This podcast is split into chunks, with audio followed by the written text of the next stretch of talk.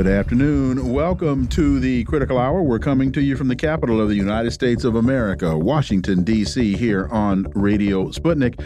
I'm your host, political scientist, author, and nationally syndicated columnist, Dr. Wilmer Leon. I'm joined here by my co host, political analyst, Garland Nixon. Thank you, Wilmer. For the next two hours, we will explore and analyze the salient news stories that are impacting the global village in which we live.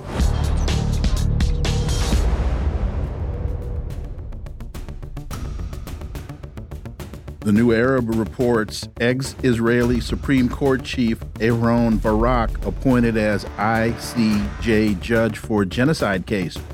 Israel has named its former Supreme Court president, Aaron Barak, as its addition to the 15 member International Court of Justice panel due this week to hear a genocidal allegation filed against it.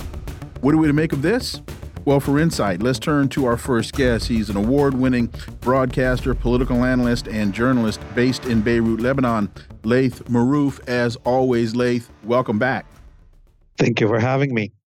He was a focus of opposition for members of Prime Minister Netanyahu's government for his criticism of the controversial judicial reform push last year, which bitterly polarized the public.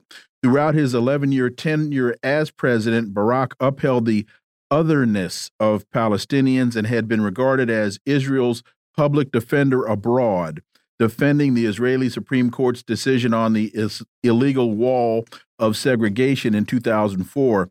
He additionally showed support for Israel's war on Gaza and claimed the military offensive was not in violation of humanitarian law. Laith, politically, no friend of Netanyahu's, but apparently a great enemy of Palestinians. Yes, you see, the um, there's not much difference uh, between uh, the wings of Zionism, whether you can define them as right or left or extreme right. Uh, they all agree uh, that uh, on Jewish supremacy and that Palestinians are subhuman. And of course, uh, having this judge appointed to the ICJ shows uh, in a way the futility of uh, the ICJ itself, uh, because as we've looked at the history of this court, it has never convicted any Western leader for the war crimes that they committed. Uh, and much of the international law is, as we see from what's happening in Gaza, is uh, not about what you can win in court, but what you can bring to fact through force. Um, you can only receive your rights to liberation, your human rights, if you are strong enough for others to admit you as a human. Uh, if you're weak, uh, no one has an obligation to admit you as a human, and that's that's the reality of this uh, evil world that we live in. And that's why Palestinians have no choice but to resist their oppressor until they defeat them.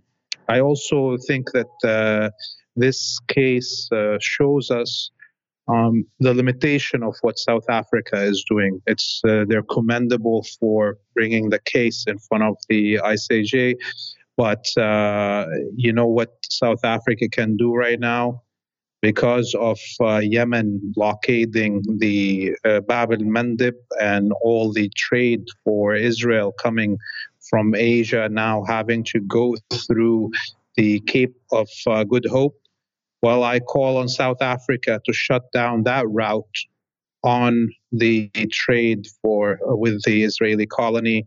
This is now their responsibility. They should be taking that position, and if they do, they will be not only helping and aiding in the liberation of Palestine more effectively, um, by uh, but also lifting some of the pressure off the uh, Yemeni people who are now standing uh, under threat of being attacked by the West.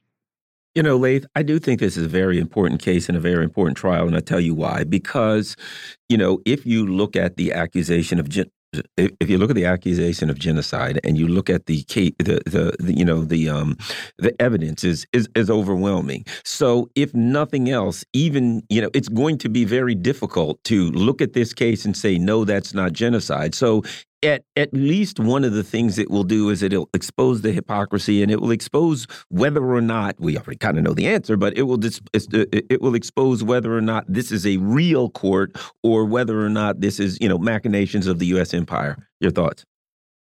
Yeah, I mean, look, I'm not deterring from this, and I'm not saying people shouldn't be doing this or South Africa is not commendable for doing this. This battle has to be taken uh, because, as you said, the least of it, what it would do if we don't actually have the just ruling of genocide happen, is that it will expose the ICJ as a non functioning body that cannot actually deliver on uh, upholding international law. That's the least of it. Yes, we should South Africa and everybody with it should continue on this battle. But I, I am just saying that uh, in this situation, I think South Africa right now, because of Yemen, have a bigger responsibility, and all they need to do is declare their sovereignty over their own uh, waters and ban the shipping that's going to uh, the Zionist colony from passing their waters, and that will actually deliver a death blow to the Israeli economy. And I don't think the United States would want to start a war with South Africa, uh, as they are uh, trying to intimidate uh, the poorest nation uh, in in the Arabic world, Yemen, who are upholding international law and delivering on their responsibility to uh, stop genocide from happening. And, and to that point, uh, Aaron Mate has a piece in Gaza Genocide U.S. defends Israel's aura of power. As South Africa accuses Israel of genocide, the Biden administration endorses Israel's bid to sow fear in Gaza's defenseless civilians. Days after South Africa filed a motion to the ICJ accusing Israel of genocide against the Palestinians of Gaza, the Biden administration responded with indignation. The allegation, White House spokesman Kirby declared, is, quote, meritless, counterproductive, and completely without any basis in fact whatsoever, end quote. And what I see here, uh, Laith, and to your point, is this is now gaining traction where five years ago, uh, the um, boycott divestiture movement would not have gotten this kind of traction. This now is getting traction, and it is forcing the Biden administration to take a immoral, meritless. I, I, I have a whole bunch of adjectives I can use, but uh, position that exposes them for the liars and the hypocrites that they are, because under no circumstance can you defend genocide. And that is exactly what they're doing, Laith Marouf. Yeah, I mean, they stopped short of calling South Africa and its accusation of genocide um, um, the, the anti-Semitic. You know, right? they called it everything but that, which shows you also a retreat. Because if it was a different country than South Africa that's making this accusation of genocide against the Zionists, maybe they would have accused it of being anti Semitic. But now we can see that actually even that accusation has uh, run its, uh, its limits. And uh, now anybody who's being accused of uh, anti Semitism uh, and and this is really bad for for true people who believe in stopping hate against uh, followers of the Jewish religion uh, the Zionists have ruined uh, the possibility of actually focusing on real hate towards Jewish people with their um, purposeful uh, confusion. But uh, as as we look at the United States right now and the West, who are uh, oppressing members of their own society, civilians, uh, citizens of the United Kingdom and Germany and the US and Canada that are being rounded up and jailed for taking positions in support of the Palestinian liberation or against the genocide that is happening right now. And we see the uh, rights being curtailed. I think uh, the the International Court of Justice case is important as part of exposing how hypocrisy works in the in the West as a whole, and how the uh, the, the talk about human rights and international law is is only applied to a certain set of kind of people, and, and we know what these uh, criteria are. No need for me to even point them out. Who is uh, acknowledged as a human and not. And uh, but uh, otherwise, we will see an entrenchment actually more and more so in the West of these positions. They, the West and Israel are not going to back down, um, and they will burn all these institutions that they have control of. The ICG is controlled by the West. The United Nations is controlled by the West, but they'd rather burn it all down than than allow a modicum of rights for anybody that they consider subhuman. Um, here's something interesting. Joe Biden risks a major Middle East war if he makes the wrong choices. Um, that's according to Huffington Post. But we, I understand, Haifa was hit by a by a missile recently. Um, that there are a lot more missiles in, coming out of Lebanon. Is how much of an escalation is going on, and will that continue, Laith? Oh yeah, oh yeah, oh yeah. We're moving right now to stage number four of the war. The first stage was the October 7th operation by the resistance from Gaza and the pushback from the Zionists to, to you know, take back the 40 somewhat colonies that the Palestinians captured. And then stage two was the mass bombardment uh, Uh, of Gaza. Stage three was the land invasion that failed.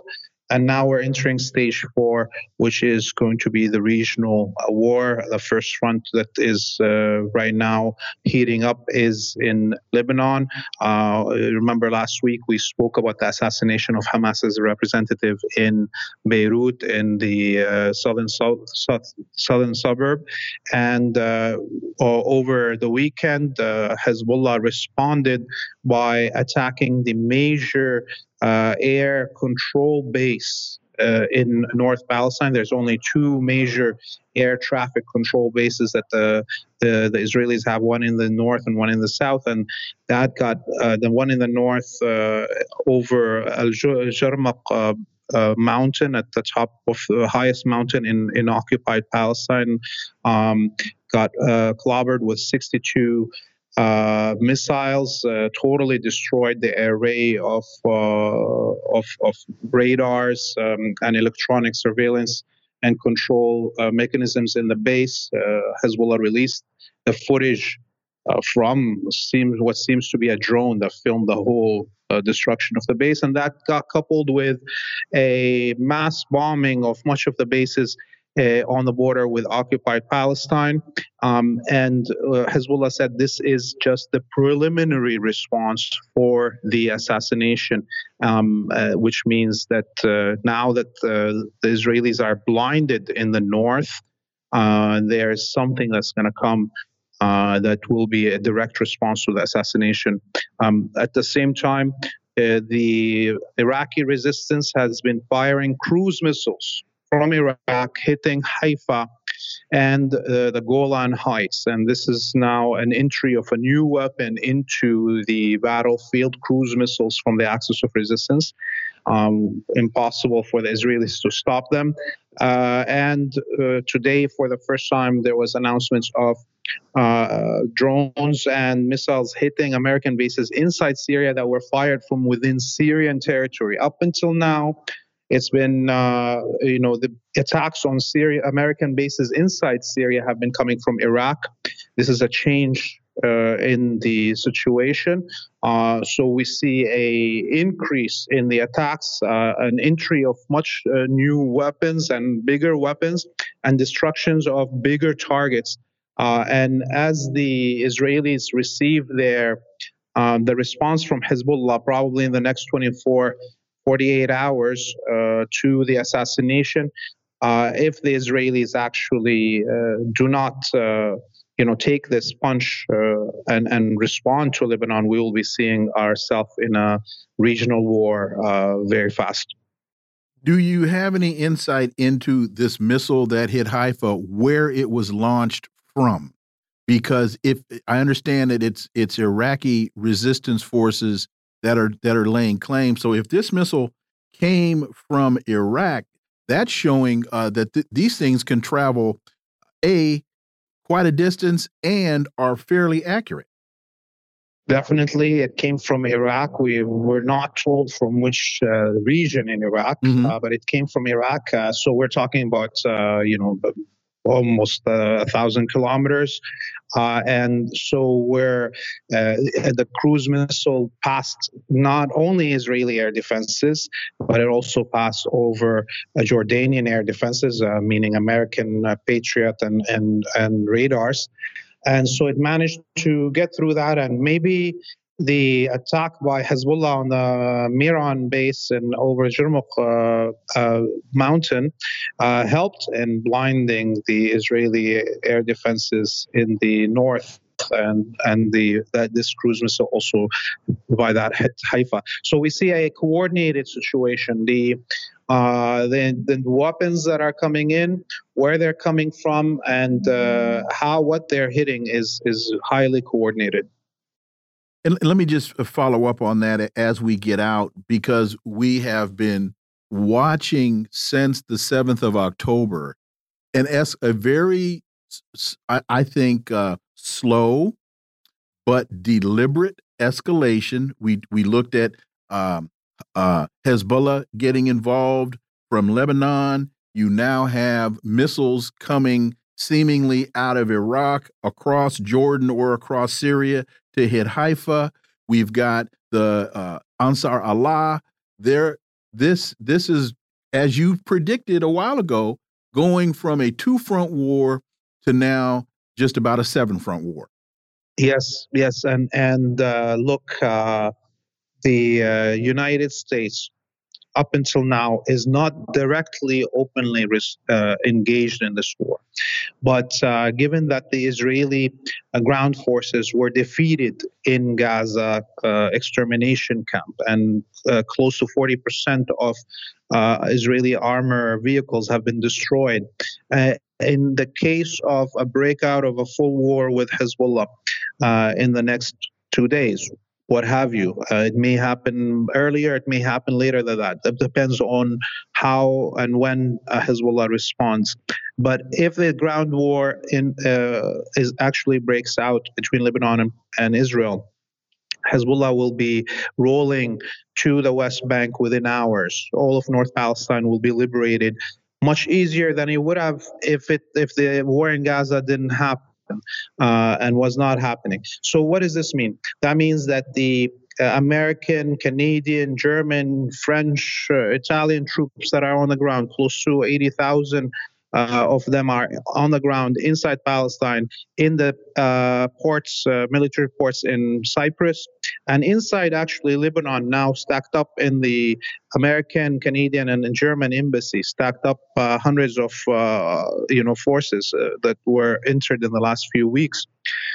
Um, this will mean that the Americans and their alliance will have to be defending uh, Israel directly because the Israelis would that at that point would be already defeated. So we're going to roll into a direct war between the axis of resistance and the West, while the public in the United States and Canada and, and the European Union are sleeping and don't know that they're uh, walk sleeping into a war. Laith Marouf, as always, thank you so much for your time. Greatly, greatly appreciate that analysis, and we look forward to having you back. You have a great evening. You do as well. Folks, you are listening to the Critical Hour on Radio Sputnik. I'm Wilmer Leon. I'm joined here by my co host, Garland Nixon. There's more on the other side. Stay tuned.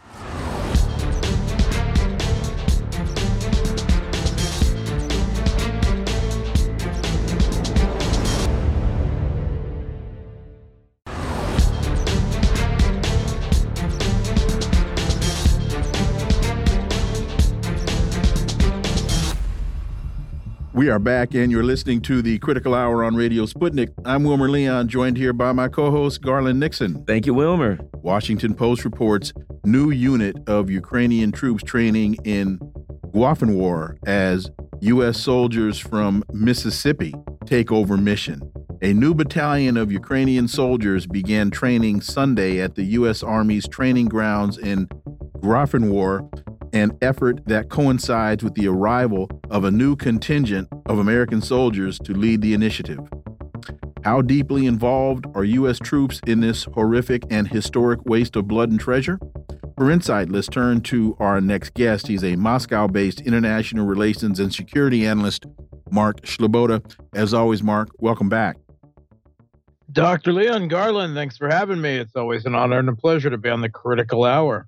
So it's reported about 500 Ukrainian troops are taking part in the training, which will involve everything from combined arms training at the squad level up to large scale maneuvers that will culminate with a battalion force on force exercise, according to Colonel Martin O'Donnell.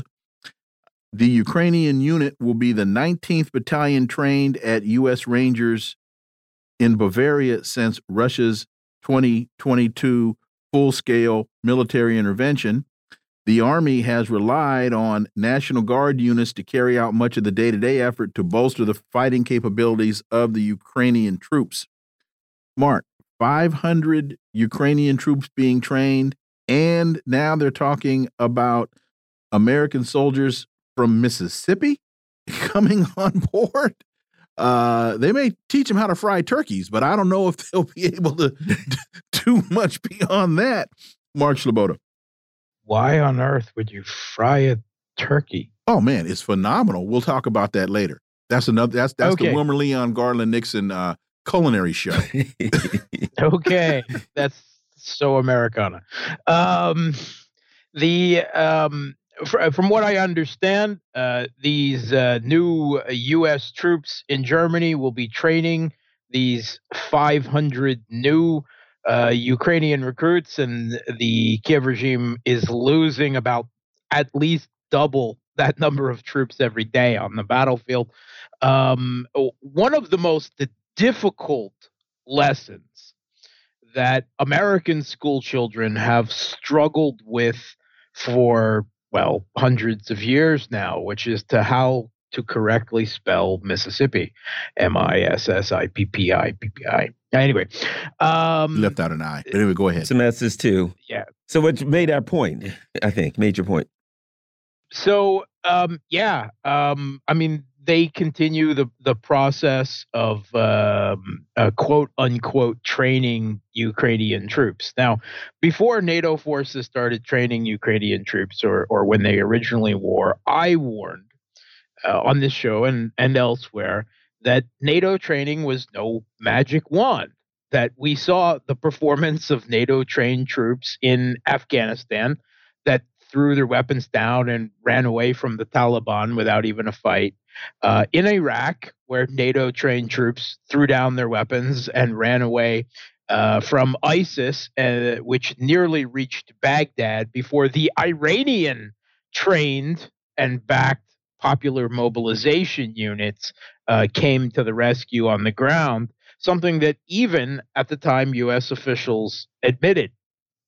Uh, and we've seen uh, numerous uh, such incidences. This is far from the isolated uh, examples. And uh, now we have the lesson of how well NATO, tr- tens of thousands, tens of thousands, some 45,000 uh, uh, U.S. and other NATO trained troops did during the disastrously uh, it, it failed, and not only, I mean, did the uh, summer offensive fail? They were defeated. Russian forces defeated uh, these NATO trained, NATO armed, NATO financed, NATO planned, NATO led uh, troops in the field horribly. And and even the Western mainstream media has begun to question this, right? Mostly because of what Ukrainians themselves, Ukrainian troops, Ukrainian commanders have since been telling them. Politico headline Ukraine's forces say NATO trained them for the wrong fight. Business Insider. Uh, Ukrainian commander says he'd be dead if he fought how the U.S. and its allies taught him. Um, from Top War, uh, a quote from a Ukrainian uh, commander From lower ranks to commanders, they lack combat experience. NATO officers do not understand the real situation. on the ground. And uh, a, a, lengthy uh, interview with Open Democracy that the Ukrainians were completely undertrained, uh, unprepared by NATO training, and that we should be training them on how to fight the Russians because they don't have a clue and they don't understand this modern artillery drone heavy war of attrition that is being fought. They simply don't understand it at all because they have never been in such a situation against a peer adversary. Uh, so, I mean, they can train another 500 troops. The Kiev regime is losing more than double than that every day.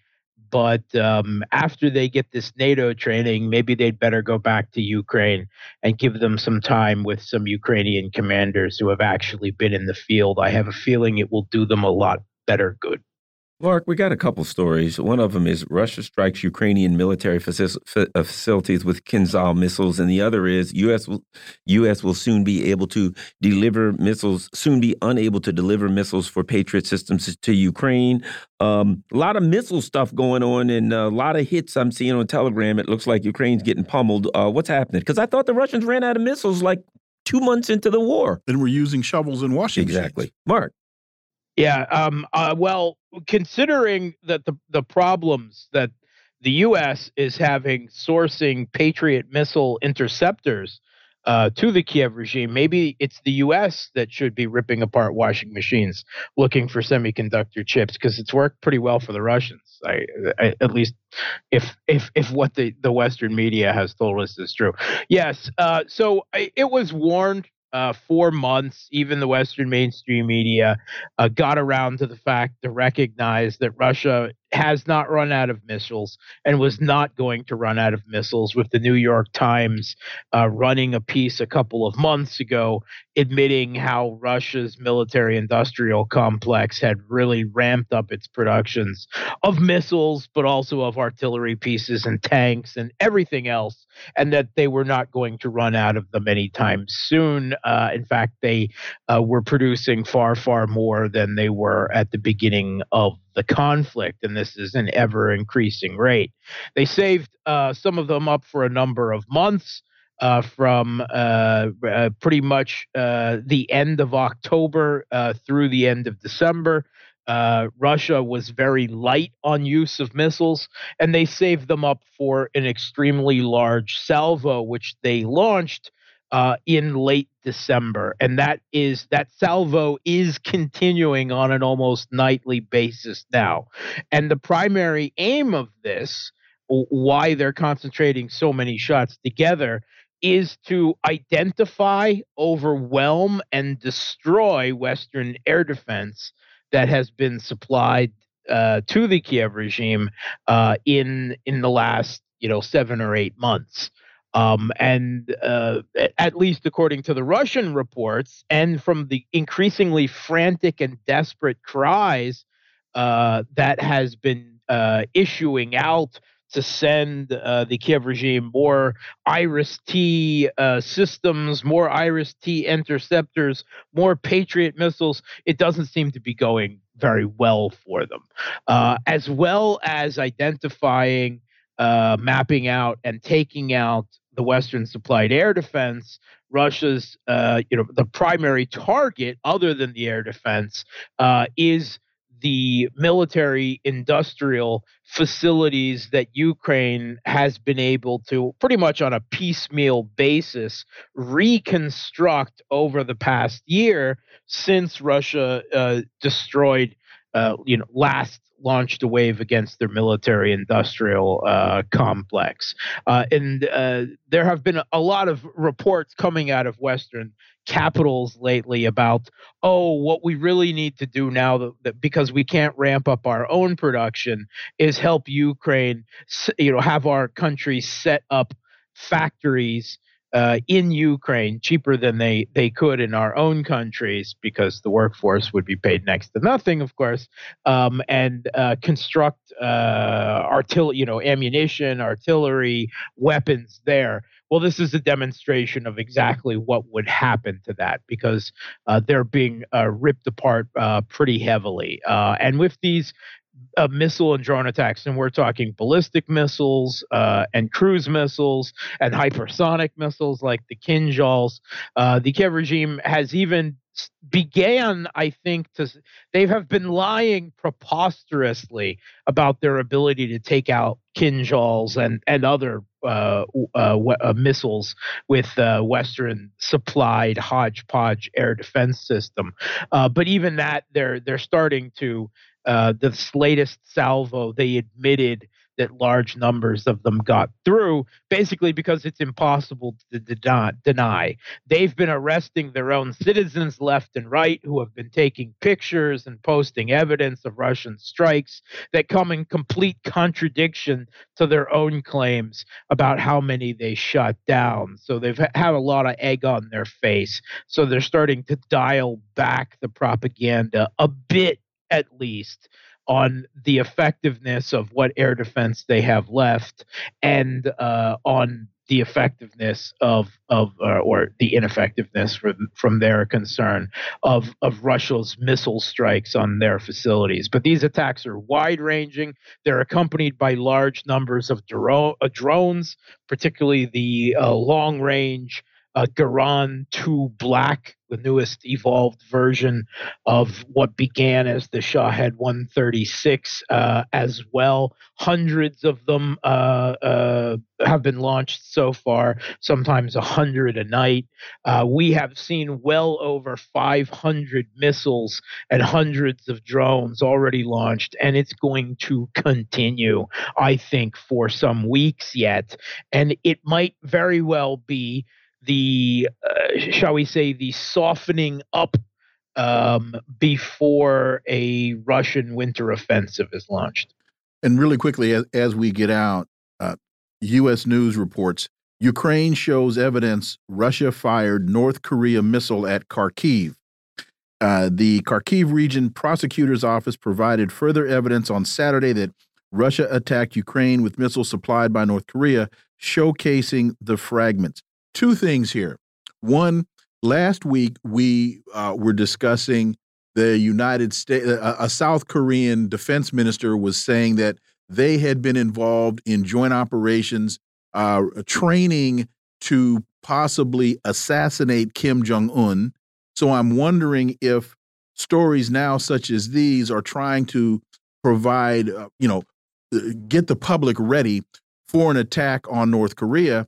And the other point here that I see is uh, they're crying that Ukraine seems to be crying foul that the United States, I'm sorry, that that the, that that Russia is using uh, uh, North Korean missiles when all Ukraine can do is get its missiles from anybody that'll give them to them. They seem to be crying foul when when uh, all is fair in love and war. Mark Sleboda. Uh, yeah, yeah. This is uh, whining from the Kiev regime uh, their entire offensive was uh, made possible only because the U.S. acquired hundreds of thousands of artillery shells from South Korea, uh, including uh, uh, missiles for multiple launch rocket systems. And Israel. Uh, and before that, Japan and Israel. NATO has stripped their own uh, military armories bare and have turned to their non-NATO NATO allies as well. And when Russia turns to its own allies for supplies, they say, oh, that's not fair. Well, you know, all's fair in love and war. And if South Korea got involved, Russia sees no problem. Yeah, it seems likely that that uh, North Korea, uh, on top of artillery shells, I think we've already seen evidence of, has supplied at least a limited number of the KN-23 solid fuel rockets, which is essentially a domestically produced variation on the Russian Iskander. They will be testing it out, seeing how well it performs. Uh, North Korea will very much like this uh, testing because they'll see how well uh, it performs. A lot of data they'll get against Western air defense that has been supplied to Ukraine. A lot of the same air defense that they might have to, uh, you know, use against uh, if if there is, God forbid, uh, a a breakout of conflict on the Korean Peninsula, which I have to say I don't think that the U.S. or anyone else wants a conflict mm-hmm. on the Korean Peninsula right now. Okay. So I wouldn't look for anything breaking out there. Mark Sleboda, as always, thank you so much for your time. Greatly, greatly appreciate that analysis, and we look forward to having you back. Thanks for having me. Folks, you're listening to the Critical Hour on Radio Sputnik. I'm Wilmer Leon. I'm joined here by my co host, Garland Nixon. There's more on the other side. Stay tuned.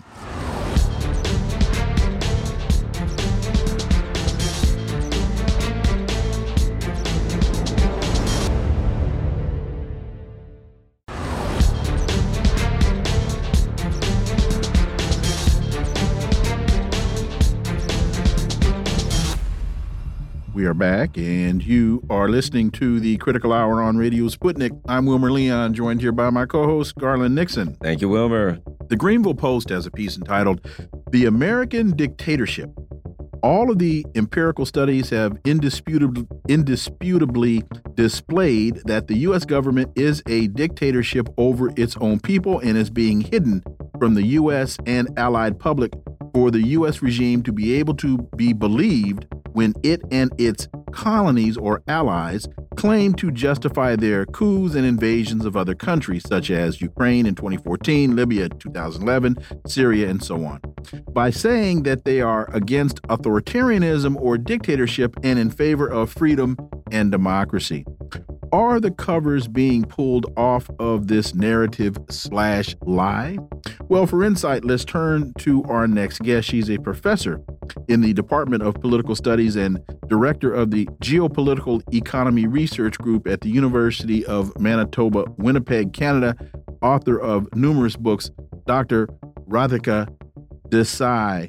As always, thank you so much for your time. Welcome back. Thank you very much. Uh, yeah, great to be here.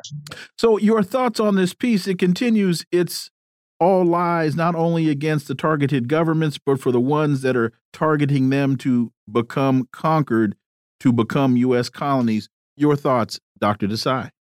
Well, I mean, the article makes a number of points, and of course, uh, most of them are pretty valid. You know, it says that, uh, of course, the the United States so-called democracy uh, uh, uh is anything but, and we know we we know the role that money and the media play in U.S. elections. We know how, no matter you know who you vote for you get the same policies we know all of these things we also i mean so that's that's one set of points domestically Americans do not get the governments that they want, and that's not at all democratic.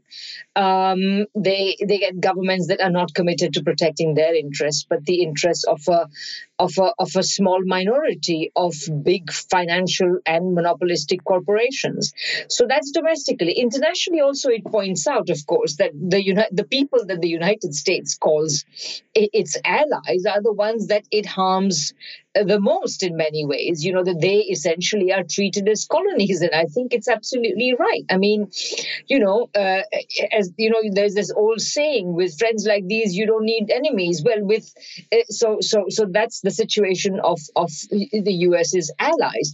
But i also wonder if you know what this article does and and a lot of articles do that I also wonder if what it implies, which is that somehow there is somebody sitting in Washington who knows what they are going to do and they have a game plan, and that, you know, somehow they are going to succeed and they have been hoodwinking the world for years and now they're going to do it again.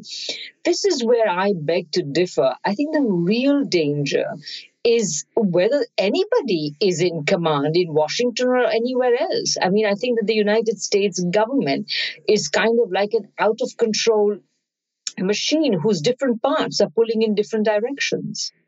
You know, I tend to agree because, you know, that's often the discussion when we see the empire doing things. Is it hapless bungling or are they brilliant, you know, uh, strategists playing 3D chess? And I always tend to um, go with hapless, bungling. And when I look at Joe Biden and Tony Blinken and their ilk, hapless bungling really seems like the uh, the most the most obvious conclusion, Dr. Desai. Well, indeed. Uh, I mean, you know, I mean, again, here, and, and this is also another thing, which is that, of course, we will never really know what's really going on. But on the one hand, uh, we, we hear it being reported, for example, in Politico, etc., that President Biden intends to give Israel the kind of unstinting support that he appears to be giving. And on the other hand, we keep hearing, uh, uh, uh on the other hand, there's sort of another narrative which says that, you know, he actually can't control control his own client state, that the US cannot control Israel, that the Israeli tail is wagging the US dog, etc. I would say that uh, it's quite possible that once again the truth lies somewhere in between. There are elements, there are parts of the Washington establishment that are unstintingly behind Israel, uh, of which President Biden may very well be a part. I mean, there was this political story, you know, recently, which says that President Biden is simply uh, uh, uh, uh in favor of Israel, and we know that his record from a very, very, from a long time ago has been as an unstinting Israel supporter. So he, he may very well be one of them. But on the other hand, there are people who are counting the cost to the United States of the reputational damage that Israel is inflicting upon itself and everybody who who is uh, uh, uh, uh who is uh, calling itself its ally. Here's where I, I I take issue with the with the hapless bungling or bungling is it's a consistent theme throughout administrations. It would be one thing if Joe Biden were implementing Biden administration policy, but he's not. It's echoing and mirroring Trump policy from a foreign policy perspective, which is echoing and mirroring uh, uh, Obama to a great degree. I mean, there are vari these are all variations on the same theme. And so hapless the bungling part I agree with. The hapless I'll take issue with because no matter what the administration is, we seem we haven't won a fight since 1953 and we still keep doing the same stupid stuff. Well, indeed, and I would I would wonder if whether 1953 was a victory either. You know, because okay. at the end of the day, you had to concede North Korea's existence. But you know, I mean, you raise a really good point there. I mean, there seems to be a continuity. But let me let me make two points. Number one, uh, while there is a continue, uh, so so so the first point I'd like to make is that we have to understand that support for Israel is not support for the ordinary people of Israel. Indeed, their existence is being endangered by what's going on. As indeed everybody who is demonstrating in Israel today, wanting the return of hostages, etc., will tell you. It is really support for maintaining Israel as the United States military base in the Middle East. So that's the first thing. Second thing is, of course, that what the United States could do even in 1953 was much greater than what it could muster, what it can muster today, so that we have to account for a relative decline in its capacities, of which not everybody in the Washington establishment is incognizant. And that's why there would be greater, uh, uh, shall we say, disharmony among the different people who make policy in the Uni- uh, in, in, in the US. So, in that sense, I would say that uh, uh, the, the continuity continuity what appears as a continuity isn't because the United States may try to achieve the same goals, although again, exactly what they are still has to be defined. But but it does it have the capacity to do it? Does it have the capacity to control Netanyahu? Does it have the capacity to do what it says it's going to do in the Red Sea, which is also being questioned by all sorts of military experts who point out that the United States' ability to sustain the defense of the freedom of navigation in the Red Sea is questionable. What does the what does the empire do now? Because sticking with the discussion about the Red Sea and, and what's going on in the in the Zionist colony, you now have um, resistance forces from uh, from Iraq sending missiles into Haifa and hitting its targets in Haifa. So as the United States keeps sending more force into the region, the conflict now seems to be expanding, and the United States can't seem to do a thing about it.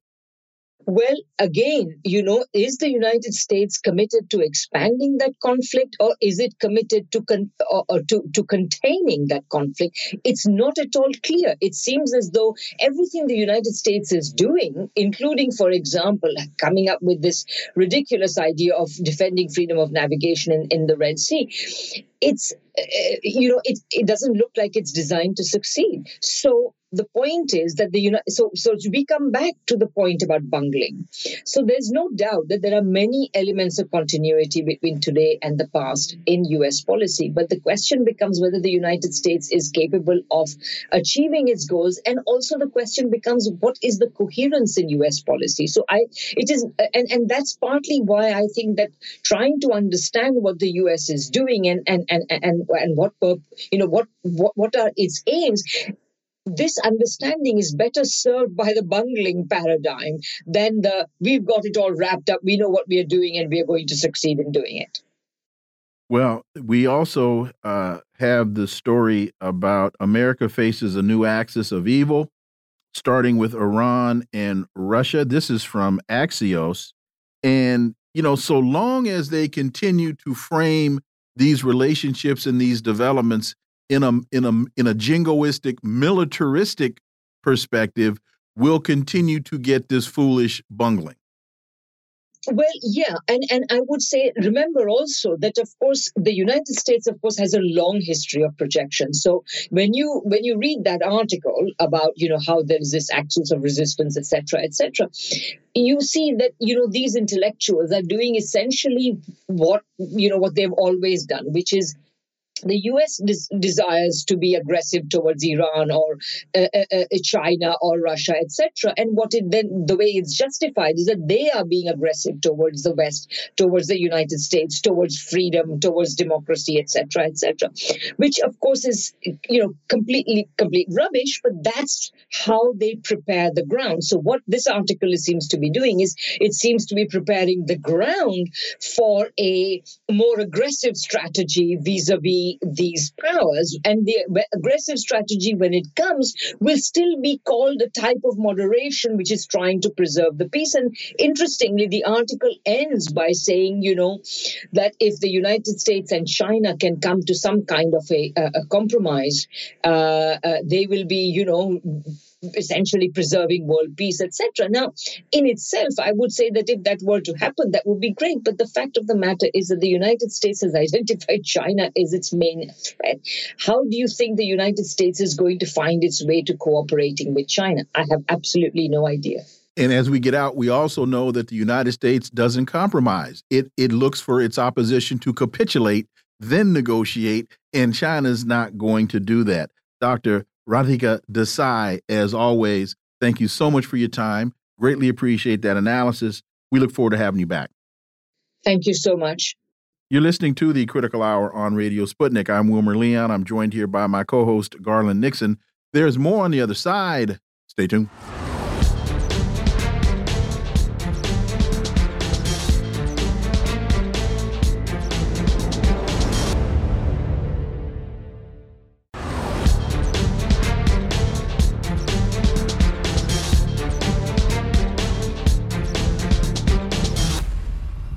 We are back, and you're listening to the Critical Hour on Radio Sputnik. I'm Wilmer Leon, joined here by my co host, Garland Nixon. Thank you, Wilmer. Orinoco Tribune reports political crisis in the U.S.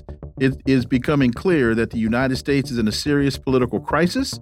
By crisis, they mean that the ruling class is no longer able to rule and control the masses of people in the same way it has been running the country in the past period of time. For insight into this, let's turn to our next guest. He's an author, independent journalist, and political analyst and reporter for RT, Caleb Maupin. As always, Caleb, welcome back. Sure, glad to be here as always. So the piece continues. The current political situation in the U.S. is quite complex. First, it is critical to understand that it is the deteriorating economic situation that is driving the various political responses. Your thoughts, Caleb, and I would say that the deteriorating economic situation has to do with some inherent failures in capitalism, uh, particularly uh, Uh, what I call cannibalistic capitalism at its very core. Caleb Maupin. Sure. well, the United States was quite a stable place during the Cold War years. And what held it together was this prosperous industrial middle class. People who worked in steel mills and auto plants. Some of them didn't even have high school diplomas, but they got paid decent wages, enough to take care of a family, enough to support a wife and kids in many cases. Uh, and that industrial middle class is long gone. And the primary destroyer of it hasn't been offshoring, though that's been a factor. It's been mainly technology. Technological advancement has eliminated the role of the worker in production. And the United States has very much transitioned away from being an industrial society. Now, there's still a lot of you know products that are produced here, especially military equipment, but they're produced by robots, not by human workers. Uh, meanwhile, at the same time that living standards have been going down, we've had a rise in the debt economy. Speculation has been a great way to make money on Wall Street, and getting people caught up in debt and selling debt and turning debt into a way of financially enslaving people and continuing to pay out profits uh, for quite some time, that has become a big section of the U.S. economy as well. Money made from other money is a bit of a problem because there's no physical economy attached to it. It's fictitious capital. Uh, and so we have an economy without an industrial base. We have an economy where the role of the worker in production has been vastly reduced, where debt is everywhere. And all of this uh, is leading to a situation where it becomes a less and less stable society. And as living standards go down, uh, as we see, you know, there was the rise of prison labor in the 1990s, uh, corporations making profits from employing people that are in jail, uh, in, that are locked up, that are doing time, and paying them far less than they would pay people on the outside.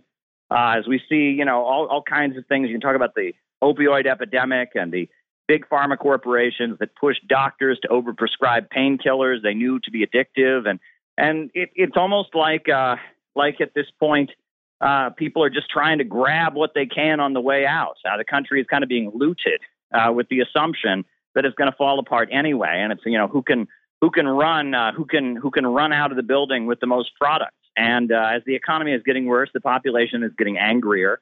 Uh, there's rising unrest in many sections of society, many different demographics, and our elite are trying to manage that unrest and utilize it against their political rivals. And that's what you call Bonapartism, when factions in the ruling class struggle against each other, try to use the state to suppress other sections. So we are entering a long term capitalist crisis in the United States. And what we're witnessing is the natural outgrowth of such an economic crisis. I like this passage. authoritarian or fascist governments do not come into existence due to the policies of evil men like Trump or other right wing fanatics. Bourgeoisie democratic governments are replaced when economic and political needs of the ruling class demand change. We're told that it's Trump. If we just get rid of Trump, everything will smooth out. There's no systemic problem here. Your thoughts, Caleb?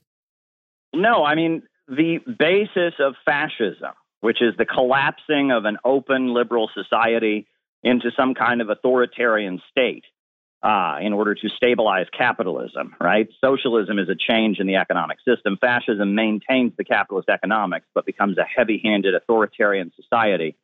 The collapsing of a liberal society into fascism is rooted in economics. It's rooted in the fact that people are homeless because there are too many houses, people are hungry because there's too much food, and we have a crisis of overproduction where there's so much abundance and people are hungry as a result, where, where abundance creates poverty. You know, we had the great financial crisis of 2008 and people became homeless because there were too many houses. That is that is the kind of crisis that capitalism routinely gets us into the crisis of overproduction, poverty amid plenty, poverty created by abundance. And fascism is an attempt to solve that crisis with heavy handed repression, creating a slave labor underclass, militarizing the economy, uh, and brutally repressing not only working class people, but also people within the capitalist class who might go against it. It is the breakdown of capitalism.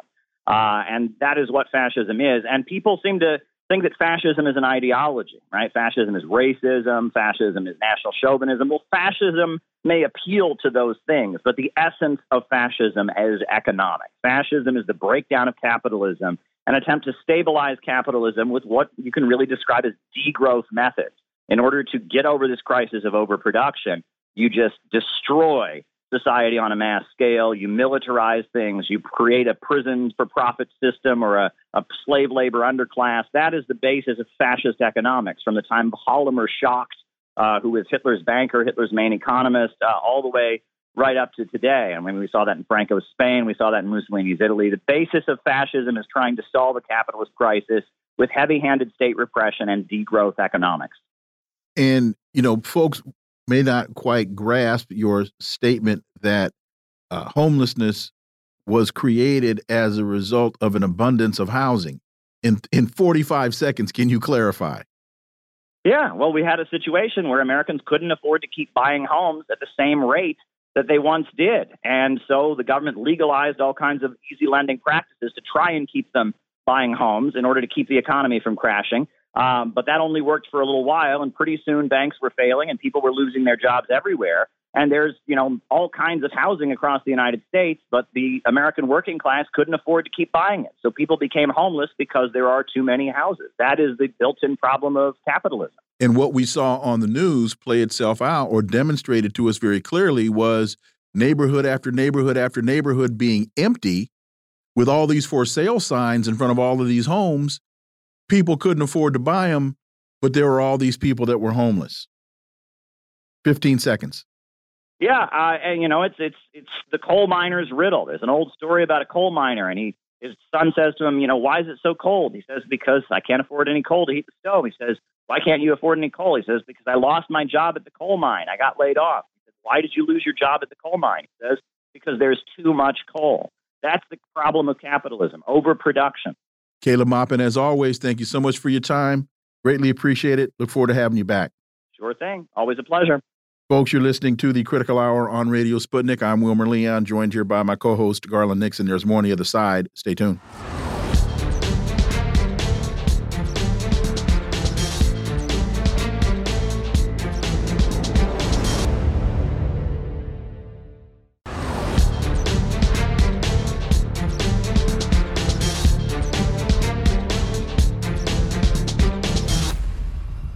Listening to the Critical Hour on Radio Sputnik. I'm Wilmer Leon, joined here by my co host, Garland Nixon. Thank you, Wilmer.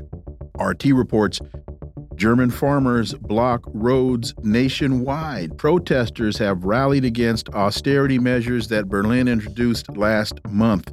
For insight into this, let's turn to our next guest. She's an independent journalist and political commentator, Fiorella Isabel. Welcome back. Hi, thank you for having me. Thousands have flocked to Berlin and other major cities to protest the cuts to diesel subsidies and tax breaks for agricultural vehicles introduced by Chancellor Olaf Scholz last month as part of a broader package intended to plug a multi billion dollar euro budget deficit. Among other things, farmers plan to stage blockades on motor motorways and travel in slow moving convoys. Garland and I, every, I'll just pick a I'll, I'll put a, a stake in the ground and say, since the United States blew up the Nord Stream pipeline, Garland and I have been saying, when are the folks in Europe going to take to the streets and protest the the the austerity measures being imposed upon them by their governments? It seems as though that time is here. Fiorella, your thoughts? Yeah, well, they have been protesting, right? They have been protesting since before that happened um, with the sanctions placed on Russia and the diversion of the energy, uh, basically going the longest way possible to get to Europe, increasing their prices of energy, uh, the cost of warming a home in Germany and Ireland and, and all over uh, Europe is absolutely insane because, especially compared to Moscow, where you pay so little for gas, uh, it, it, it is funny and also tragic hearing the European Parliament and just talking about you know the the need to continue to support Ukraine while their own people are really suffering under an economic decline. Now this is happening as was mentioned by the former guest, uh, Caleb Maupin, in the United States as well. So, what we're seeing here is this is only going to get worse. And there's also, of course, underlying this whole thing, right? The global attempts to just have everything completely be devoid of any sort of small business or smaller farm uh, type of entity. These mom and pop places have got to go if you're talking about this whole one giant conglomerate of a world that the United States and the EU and the West and their NATO allies specifically are looking to achieve. And of course, there's no need for the small farmers and the people who are trying to perhaps have more control over what ingredients they're using over you know how things are being cultivated.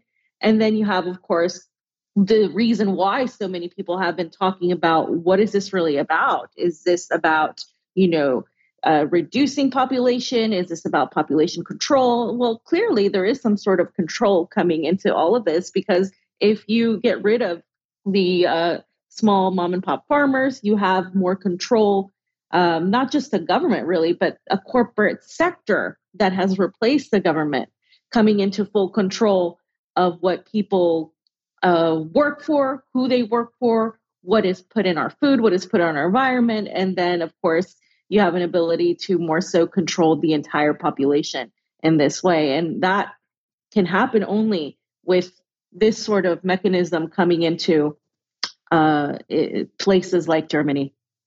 Uh, you know, Fiyero, uh, I have some bad news for these uh, farmers. They're wasting their time. Their government is not in Berlin; it's in Washington D.C. Right. the The government does not work for them. They are quislings. They are traitors. I mean, I got to be blunt.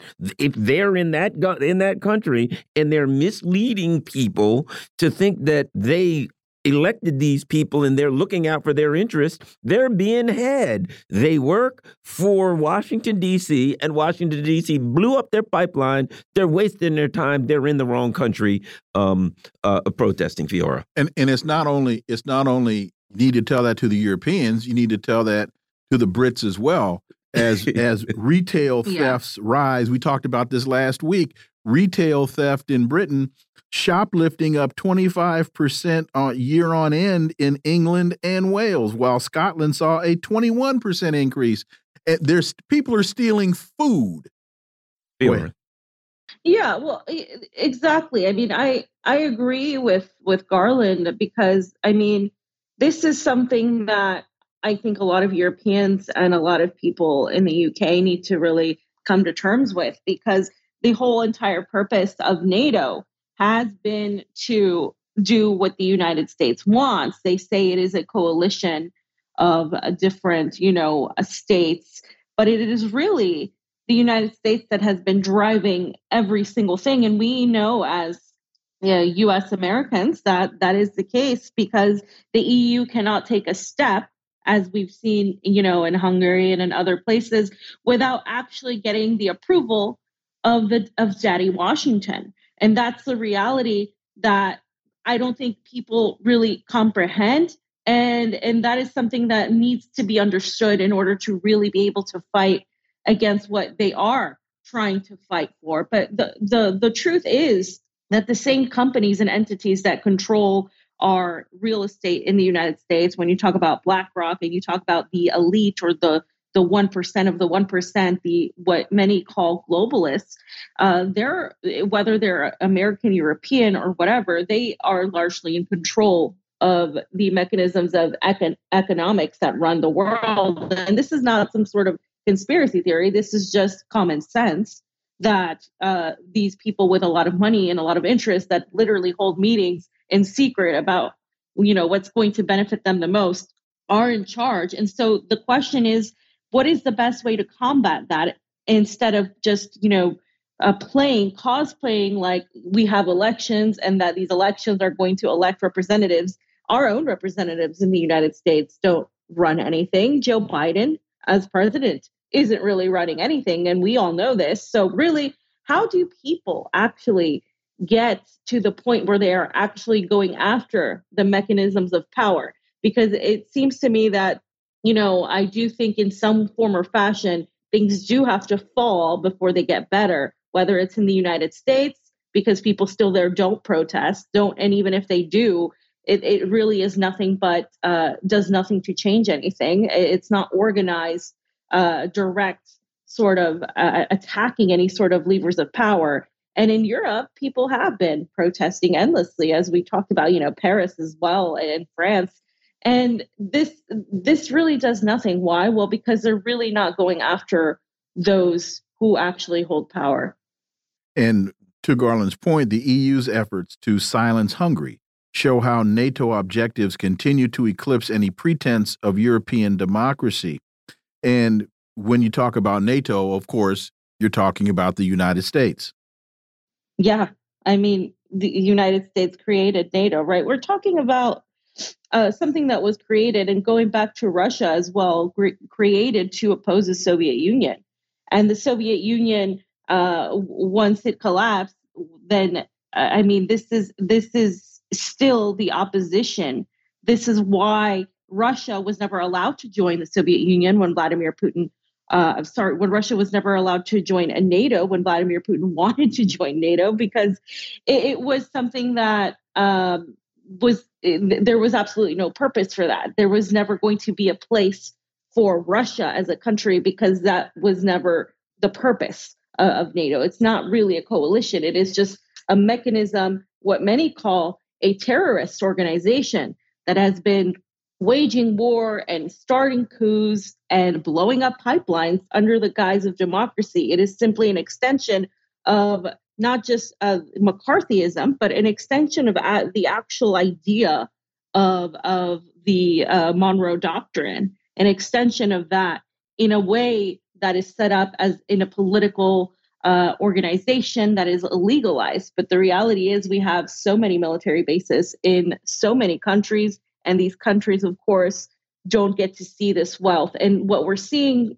being done to Europe and being done to sectors in the United States uh, as well in the economy, the people, and the decline is has been done in uh, the continent of Africa and has been done in Latin America and the Middle East. So we're just seeing a lot of these things that have been exported by the military and our, I would say, our military industrial uh, surveillance state complex uh, being done now to the people of the West.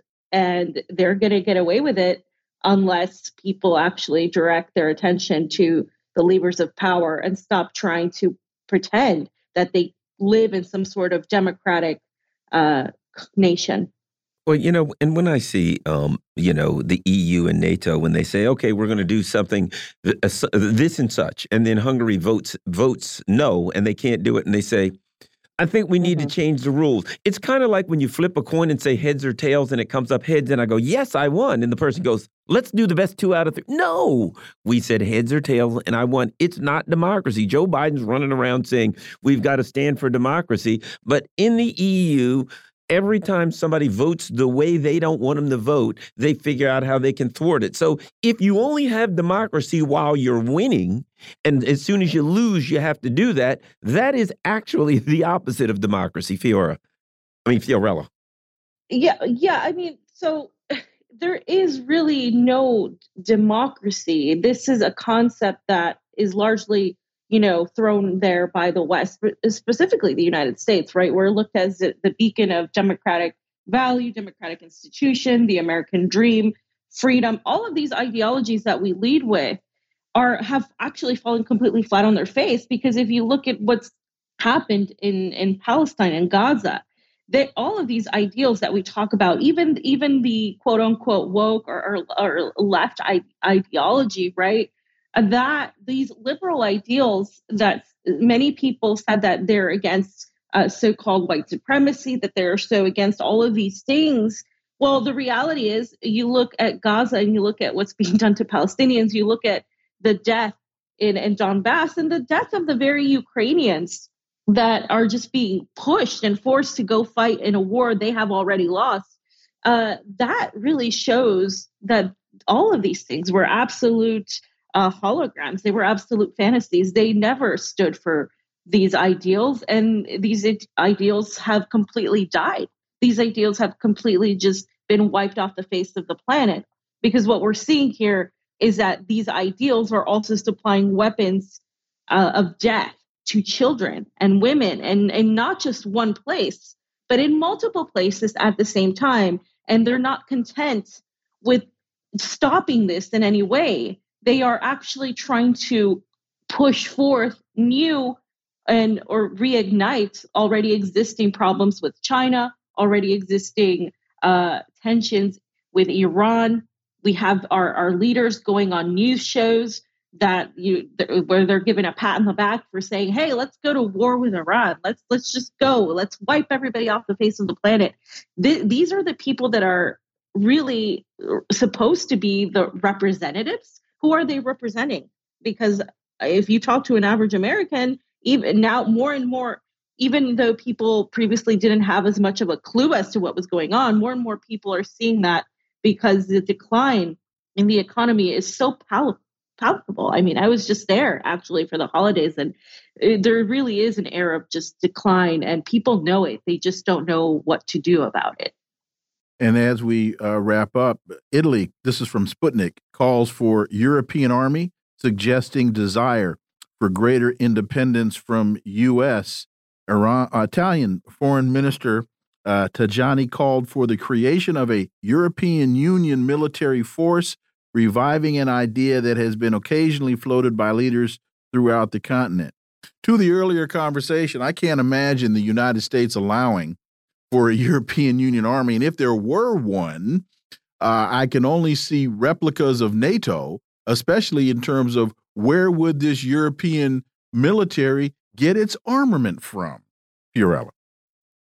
Yeah, I, I think it's almost redundant to talk about a European army, um, let alone dangerous in the sense of, well, you just have more soldiers. I mean, it just seems like it would be redundant because it would be an extension of NATO, and that's what it would be. I mean, we already have that, right? So, uh, and who would supply the weapons, as you just mentioned? Well, the United States, right? So, what what exactly would that really do, unless it was an army that was there to actually defend the needs of Europeans and the people that are opposing what we're seeing here of this this order this paradigm fighting against you know the coming paradigm which is the multipolar uh, world that is trying to establish itself al- along and has in some ways already done so. But that the only way any such army would actually have any sort of uh, strength would be if it was supported by the majority of the people and then it would actually go against its own government. Because again you see these people protesting in germany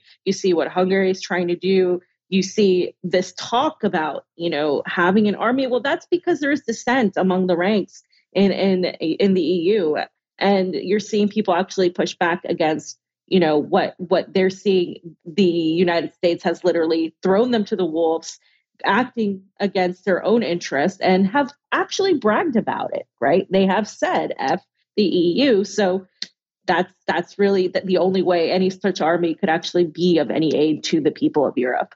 Fiorella Isabel, thank you so much for your time. Greatly, greatly appreciate that analysis. We look forward to having you back. Thank you. Folks, you're listening to the Critical Hour on Radio Sputnik. I'm Wilmer Leon. I'm joined here by my co host, Garland Nixon. There's more on the other side. Stay tuned.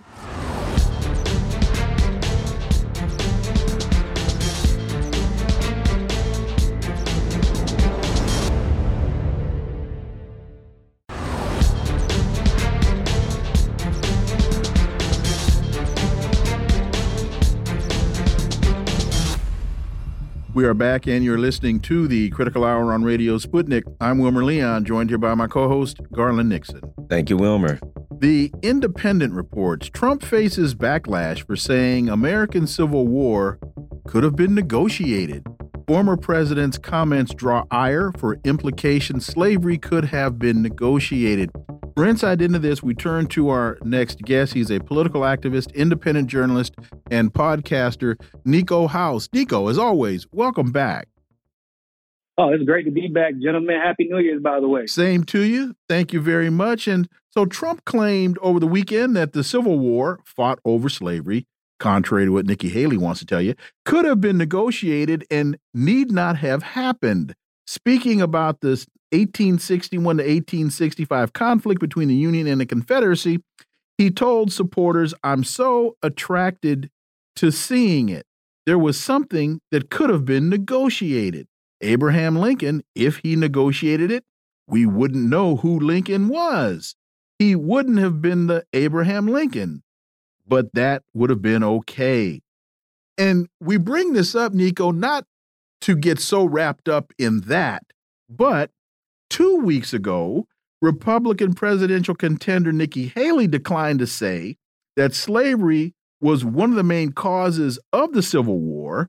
And then that was an omission that she clumsily tried to correct, but not before drawing rebukes from Democrats. So, with what just transpired with Trump, that kind of uh, motivated us to ask you why is this becoming an issue? So, I mean, to be completely honest, I actually like Trump's answer better. Haley was like, it was almost like she was afraid. She was clearly uh, trying to not offend her base. Mm -hmm. Like that was why she didn't want to say directly that slavery was directly implicated, obviously, in the cause of the Civil War. Um, be, but with Trump, I'm to be completely frank, there is a little bit of merit to what he is saying, uh, if he is saying it in good faith. And what I mean by that is, obviously, the Civil War was fought over slavery, but and I can't stress this enough, there has not been one time, and I mean in ever, where anything in this country was done exclusively because it helped black people. And I need for people to understand that. There was like a huge problem with the way that the South, excuse me, the yeah, the South was being tapped by the North. And, and this is obviously on the crux of what came to be the Industrial Revolution. And then there was obviously the monopoly that the South had on agriculture. Now, with the secession, they could have basically were they could have did the same thing with the North. They could have had total control over all the agriculture for the most part, um, and they would have been able to attack the North and uh, effectively hold them hostage um, in a way that the North had been doing to the South for a long time. And so, obviously, the play, the most obvious play, would be how do we get an advantage in the war? How do we take control of the economy? And of course, if we're going to be a superpower uh, like what they've seen with England, France, Spain, etc., we can't be separated. So, but but Niko, but Niko, the the the, the the question is, here we are talking in 2024, and two weeks ago, Nikki Haley uh, uh, at a town hall, somebody stands up and asks her, seemingly out of the blue, why was the Civil War fought? She can't answer the question. Now we have this past Sunday, Donald Trump wants to talk about Lincoln wouldn't have been Lincoln and we could have negotiated a settlement. Why is the Civil War in 2024 being such an issue in Republican town halls? You know what? That's that is, is a good question actually because it really is irrelevant when you think about it. I mean, what are they going to, if they answer the question? So, say if Nikki Haley or Trump says, yeah, we know that the Civil War was about slavery.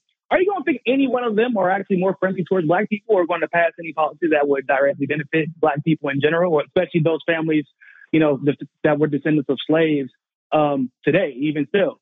Probably not. So it does make you think that there is almost an attempt by uh, the media to distract from what we're actually seeing going on in the world. The, the neocon Zionist response to Gaza, for example, as a pretty good, um, pretty good distraction from that. Um, from this discourse surrounding January 6th to some degree, right? You give Republicans, Republicans would love the opportunity at this point to focus more on slavery and the Civil War than to have a conversation about January 6th because that ultimately leads back to Trump and there's no such thing as bad publicity. So maybe that's a, you know a, a play a play by the, um, the neoconservative media. But I do agree. It's kind of weird how out of nowhere we're talking about the Civil War like it's going to have some type of impact today. The Washington Post reports, hoping to govern in 2024, House Republicans fear a repeat of last year. Now, speaking of distractions, here's what I say about that. They're talking about oh the Republicans, you know, they're afraid of a messy uh, speaker's ouster, and oh they're concerned about you know a government shutdown, which every three months people people are just yawning now every three months government shutdown, right? Uh, I don't think people voting on that stuff in 2024. I think people got bigger fish to fry. The Washington Post. This is a conversation that the ruling elite will have about why people are voting. As I always say, people are saying, I can't afford a pack of chicken wings. It used to be $8, now it's $20. I'm angry, but the ruling elite would have us believe that people are extremely concerned over the latest machinations of the budget, which is not going to defend help them in any way. But but one thing, one thing in this in this uh in this line 2023 was marked by threats of a government shutdown a speaker's ouster why was the speaker why was mccarthy thrown out because he compromised and so is part of this issue that the republicans feel that once again they may have to compromise mm, it was about the Ukraine mm. war compromise, about, about, what he compromised say, about. by compromise, do you mean agree? Like they aren't like well, like agree, like they always. What kind of compromise are we talking about? Because Republicans are always willing to compromise as long as it's about you know imperialist foreign policy and the police state. So if that's the compromise, I think they have nothing to worry about. They're going to get exactly what they want. The Democrats, of course, will give them exactly what they want. I believe that, um, like like Garland said, I mean, Americans are voting based off of that. Mm-hmm. Uh, it's like Katt Williams said, it ain't the, the math isn't mathing. He said they told you that we have a shortage of chicken wings, but there ain't a shortage of chickens for some reason. It never said that. Only a shortage of chicken wings, not thighs, not legs, just the wings. But and and but when it comes to just the, the inflation, the way our uh, gas is looking, the way food is looking, the prices, and there's oh housing, good God. Um, and we're not like we're not turning back. There's no, it's not slowing down. It's getting worse. So there's that domestically, but then there is this bigger picture of Gaza, and it's bigger than Gaza. It's, it's sad as that is to say. Of course, I'm not dismissing any of the lives lost there, but what people are realizing is that the government uh, it will actively support the killing of children, regardless of how many photos, videos, how much evidence shows that genocide is actively being committed. And so now that brings people to question everything that they thought about their government that they might have assumed prior uh, uh, um, previously that uh, maybe they're just making mistakes. But now that they they've seen this whole Gaza situation play out, they can't ignore that. So now they're the, the voters in a position where unfortunately they're either gonna they're gonna vote third party, hopefully, but the reality is they're likely to not vote. And if they do vote, it'll be, I think a lot of local elections will get affected by the by this war and by the policies um, and, situ- problems that Garland hi- highlighted. But I think a lot of people are going to sit out, and I think that that is actually going to not allow the politicians to know what they should do and how they should move. It's going to be, well, hold on, what do we do to not be criticized? Well, you do the right thing, or we're going to criticize regardless. Because now you can't hold, or oh, you voted for so and so, or you voted for so and so. You can't pull that if you vote for Trump, you're voting for fascism. We just lived through four. We're living through four years of it right now. So we that that, that we are in fascism. So now it's like, okay, so you're gonna vote for Biden and vote for genocide? Because yeah, we might get that with Trump, but we already know we're getting it with, with Biden. So I don't understand what your point is. It's like what, what, what Garland said. These polls are not reflective of what the average person is denouncing. What it, what it's showing is what the elite wants you to focus on instead of what you should be focusing on. And Garland will tell you, I've been saying for a year, if not longer, that the concern should be turnout, not uh, folks crossing party lines, because the lines have are, are have been drawn. They're very very clear, and there's very little ambiguity in the minds of most Americans what there there aren't a whole lot of independents sitting out there trying to figure out what they're going to do other than stay home but the rake leaves. stay home stay home and rake leaves. But let's let's combine let's combine two stories. Florida abortion rights this is from common dreams. Florida abortion rights defenders surpass target for ballot measure. Supporters of the florida measure similar to other initiatives across the country say they're confident that voters will approve their amendment uh, basically to limit government interference with a woman's right to choose. And then, chilling, Supreme Court says Idaho can jail doctors for providing abortions. The Supreme Court this past Friday opted to reinstate Idaho's near total abortion ban, a draconian law that carries up to five years in prison. Uh, so, this is one issue that could very well bring a lot of people out, depending on which side of the fence they're sitting. Your thoughts, Niko House? Speaking of distractions, right, guys? that's just really, really convenient. How did it? How, every every three and a half years on cue, guys. I don't how abortion every single time, and then it's like the most extreme case. The Supreme Court's about to get involved. People are going to be going to jail. You're like, bro, really? Every four years we do this? Well, I can tell you how. It's like they met. How's that? How's that? Oh, it's very it's very simple because uh, in 2020, Joe Biden told us that the Biden administration was going to resolve the issue. But what they have come to realize is that the issue is a much more powerful political pawn than resolution of the issue. Exactly. That's what it comes down to. I mean, uh, I'm personally for liberty. Um, I I do always thoroughly enjoy the fact that conservatives expose themselves as actually being pro big government as long as it's convenient. They're only anti government when it's convenient for their moral narrative. But the reality is they're just as pro big government when it suits their needs or their political agenda as much as uh, they the Democrats are. There's not really much difference between them, just the issues that they allegedly fight for on the open. But I don't know if people know Republicans or children of Republicans tend to have abortions actually at pretty high rates. A lot of people don't know that, especially in conservative states. So there's that. But um, I I do find it interesting once again that this issue just happens to arrive right on time as we're finding out Arabs are not voting. Arabs and Muslims and black people, largely part uh, Gaza. Been living in Brazil for too long, guys. Um, because of the the Gaza, the war in Gaza, they're not going to be voting for Joe Biden or the Democrats or anyone who wouldn't come out and speak. If you are silent, that is now an indictment of of how uh, the the Democrats who had previously voted for Joe Biden are now seeing. So there's that. And then Republicans are finding out they may not, like a lot of the Republicans and conservatives, they might not be a fan of Palestinian or Palestine or Hamas or Gaza, but they are not fans of Israel or Zionism because that betrays that concept of America first. And it's like the same feeling they have about Ukraine. They may not support Russia, but they're damn sure not about to support Ukraine. So it's kind of the same concept. So now they're trying to bring it back to the, to the old faithfuls of political issues, right? Got to bring up the Civil War, segregation. I, guys, I think we already know we can go ahead and expect the BLM conversation to be had in the next few weeks. I think that we're all pretty comfortable stating that. That's coming up. You got got abortion. So you got the the the, the holy the holy trinity, right? You got racism, you got abortion, and what's the lot probably China China or Russia gonna come back up again here pretty soon, and uh, uh, that's what they're gonna try to turn their heads back to. And I think that we've even been seeing it on Twitter where uh, and we know why because Elon's been bought off by Israel.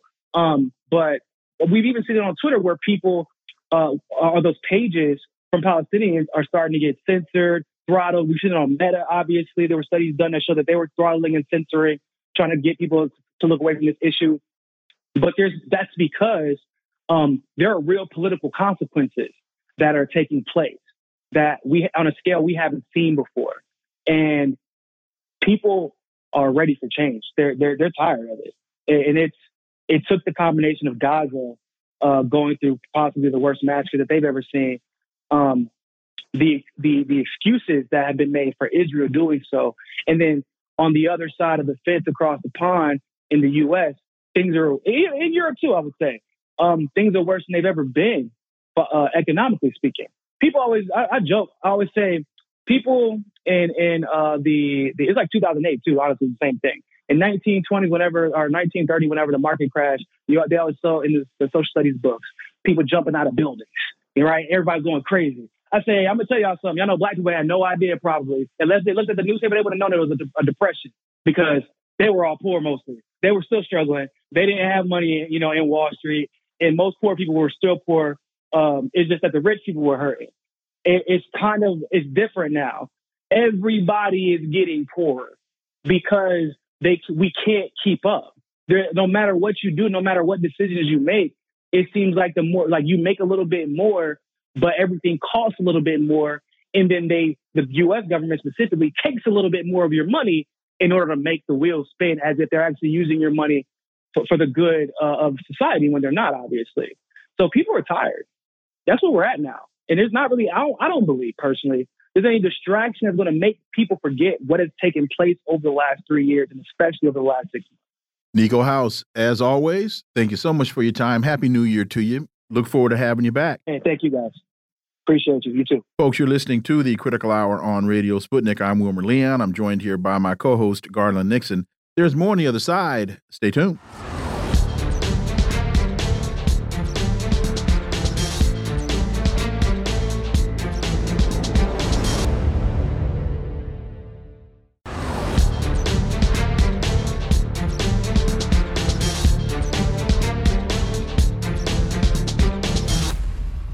We are back, and you're listening to the Critical Hour on Radio Sputnik. I'm Wilmer Leon, joined here by my co host, Garland Nixon. Thank you, Wilmer. Sputnik reports top Democrats warn Biden campaign is too zen despite terrible polls and Trump's rise.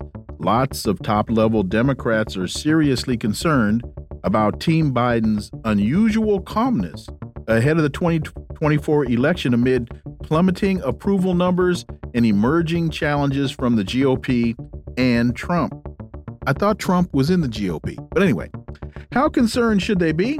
For insight, let's turn to our next guest. He's the co host of the Convo Couch and AM Wake Up on Rokfin, Craig Jardula. As always, welcome back. Thanks for having me on, gentlemen. Democratic heavyweights consider Biden and his reelection team too complacent and unimaginative.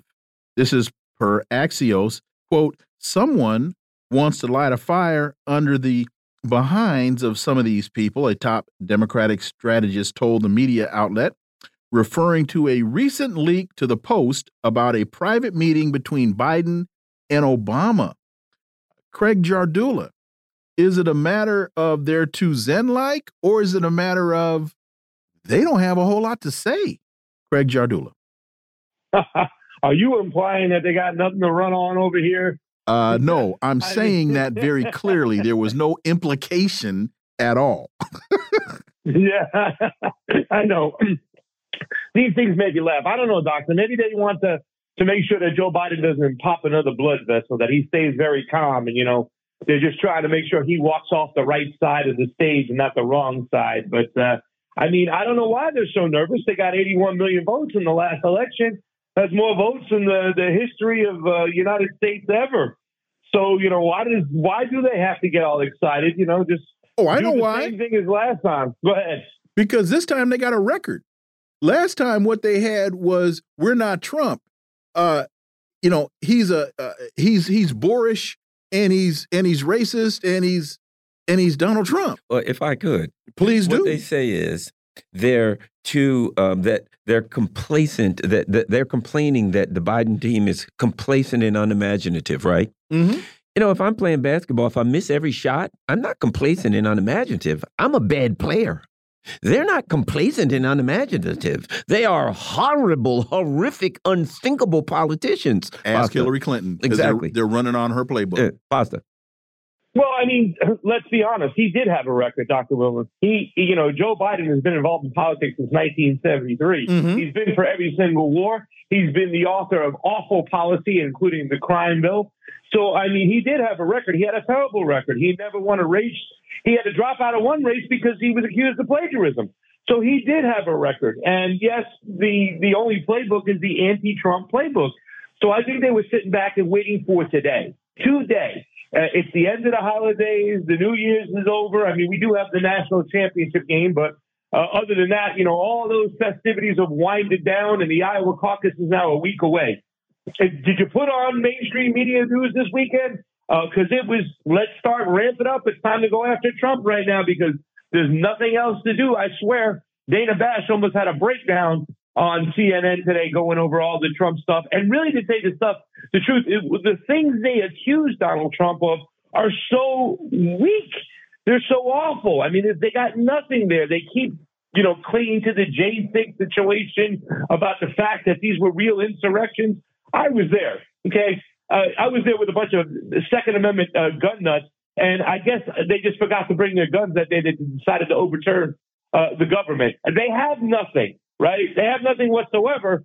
But um, that that would make you you want to speculate, and I don't want to say particular in particular why they're not freaking out because you know uh, I don't want to get us in trouble as far as you know the uh, the lords out there that control social media and whatnot like that. But maybe you should just look at the election system itself because if you got that wrapped up, you really don't have to get all all, all, all uppity up. You could be Zen like the Biden campaign is. Well, I'll just say this as a person who studies Zen, Apparently, they don't understand what Zen means because it has a lot to do with accepting reality, where in fact the Biden administration believes these people pretend like they can create their own reality. And um, well, let's just say they're far from that. Well, but they control the mainstream media, Garland. I mean, they have that under control. They have a they have that big mechanism on their side. You know, it's the establishment versus the populace. So, I mean, if you have that in your corner, you can keep spewing this nonsense that they constantly spew. But that's what this is all about, right? Not just Trump Trumpers showing up at the Capitol on January 6th.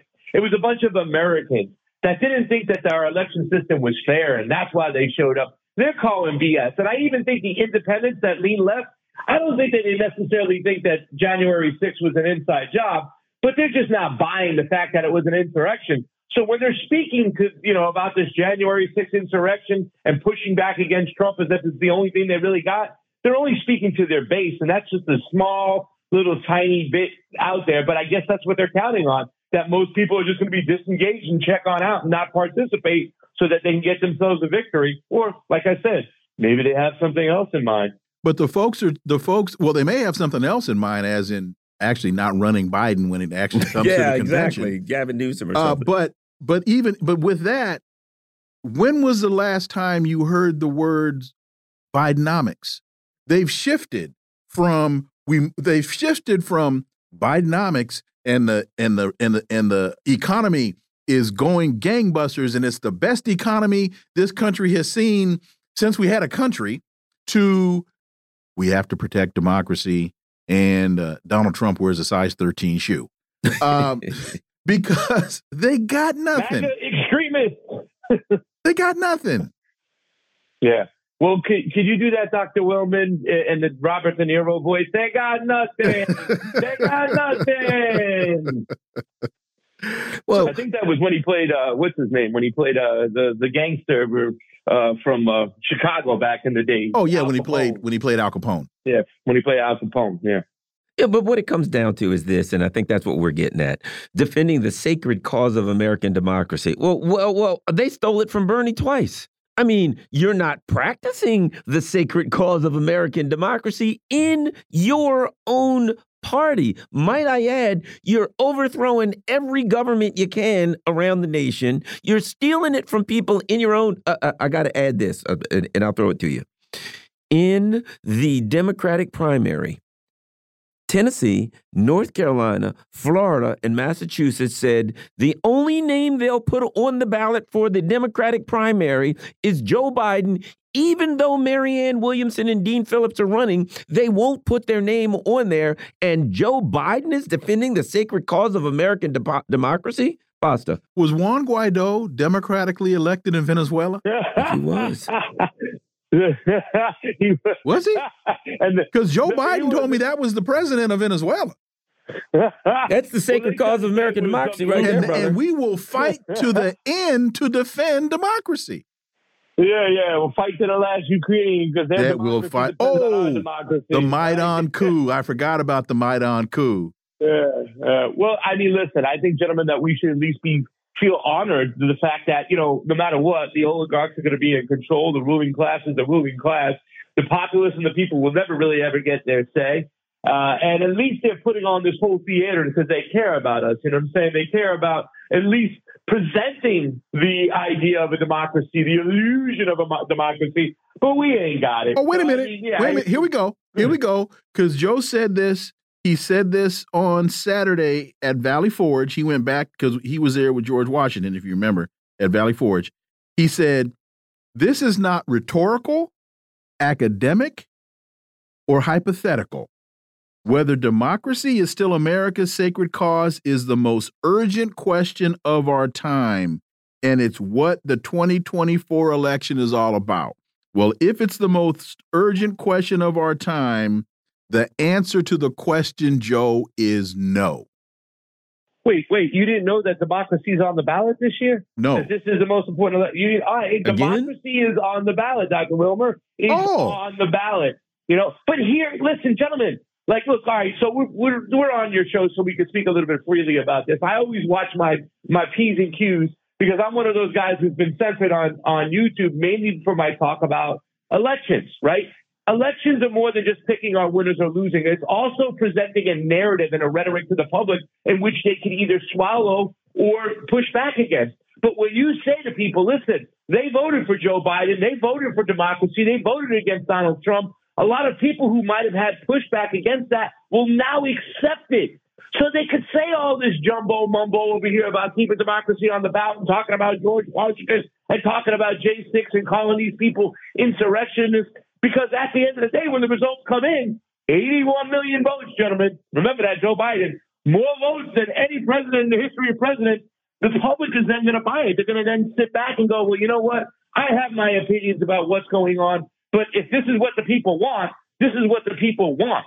So it actually acts as a deterrent from people pushing back against the ruling class and the same crap we've had in this country since the break of dawn with all the elites doing whatever they got to do, the corporations running things. And as we get out, Trump got 74 million. So that's 74 million is a lot of people. Uh, yeah. Craig Jardula, as always, thank you so much for your time. Greatly, greatly appreciate that analysis, and we look forward to having you back. Hey, look, I look forward to sharing the stage also with Garland Nixon in D.C.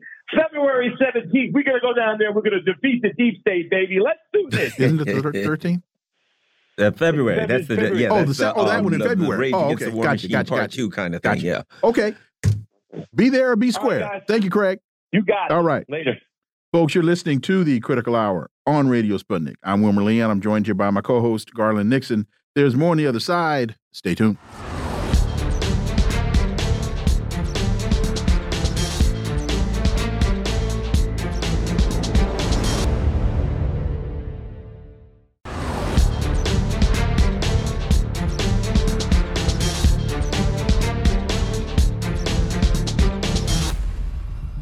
We are back, and you're listening to the Critical Hour on Radio Sputnik. I'm Wilmer Leon, joined here by my co host, Garland Nixon. Thank you, Wilmer. The Washington Post reports Ethiopia's controversial quest for the sea.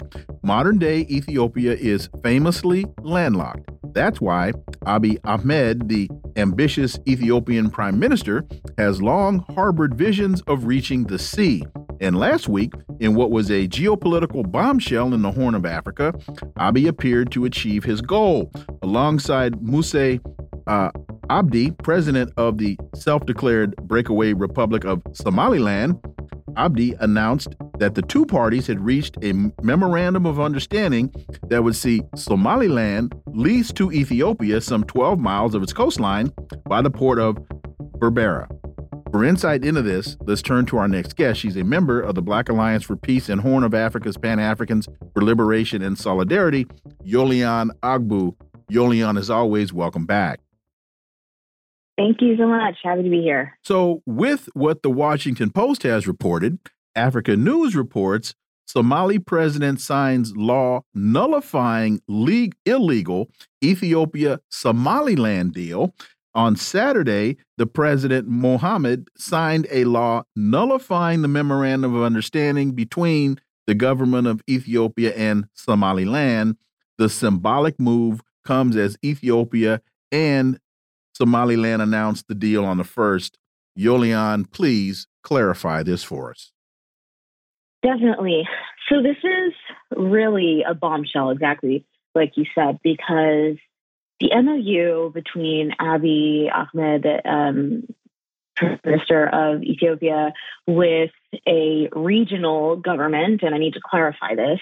Somaliland is not um, an internationally recognized nation state, right? They are still a part of um, the broader uh, country of Somalia, and the only internationally recognized government of um, Somalia is in Mogadishu. So what we have here is a nation state Ethiopia of the Ethiopian government signing what really is some sort of an illegal ish MOU with a regional government, and absolutely no um, no part of that included um, the broader Somalian government or Mogadishu specifically. So we have that happening, and as a result, the uh, president of Somalia, we have Mohammed Hassan, said fully, you know, no, like this is ridiculous and this is an infringement of our territorial sovereignty. Um, but I think it's important to note that this is happening as we have the genocide in Gaza and the issue in the Red Sea already, which has kind of escalated tensions. So the Horn is is is really in a troubled position as it tends to usually be, but has only been heightened because um, Abiy Ahmed decided to poke a bear. Let me ask you this. What's with this? And I don't really understand it. Maybe you could explain this. What's with this business about Somaliland being claiming to be a breakaway republic? You know, I don't I don't really understand that. Could you could you explain it? Definitely. So back in the colonial times, we had pre uh, 1960 um, there were two uh, Somalias, I guess, or Somalilands. We had um, the British Somaliland. So Somaliland, as we understand it today, um, was in control of the uh, by the British, and then we had the Italian Somaliland, the rest of Somalia. Um, but in 1960, there was a um, agreement that they would then be a part of the larger country, and so, but but that doesn't that that agreement really didn't mean much as it relates to the tensions and ethnic tensions and stoking a lot of like kind of clan issues that had um, been an issue for some time across Somalia. So Somaliland, the best way I can put it, is in a similar situation as I guess what we would say Taiwan, right? In that it is not internationally recognized. No, for for the past thirty years, um, no one has said that you know they want to recognize um, Somaliland. So they function as a regional province and a government that um, reports to Mogadishu. Simple as that. Two things. One. It's called a memorandum of understanding for a reason and not a treaty, which you have, I think, very clearly uh, articulated. And the other thing is, in situations like this, I usually have to ask myself, where is the United States' hand in a deal like this?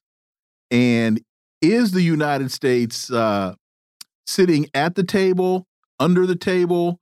Are they cooking what's being served at the table? Where is the United States involved in this? And if so, where? Right. Yeah. No, great question. So I think what helps in answering this question is following the money trail, as we know. Um, just to clarify, right, we know that Somaliland doesn't have any legal authority or sovereignty to make any of these calls and lease their port.